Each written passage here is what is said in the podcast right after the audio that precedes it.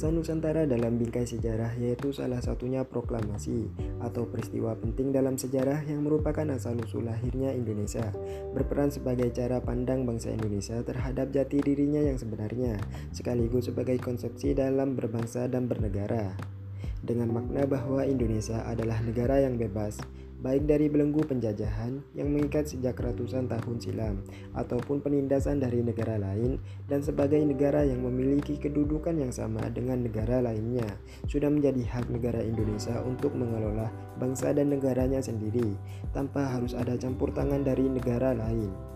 dalam keberlangsungan dan keberhasilan bangsa Indonesia menuju tujuannya. Karena makna proklamasi itu sendiri mengajarkan kita agar masyarakat Indonesia terus bertumbuh dan terus mengamalkan nilai-nilai Pancasila di dalam setiap perilaku masyarakatnya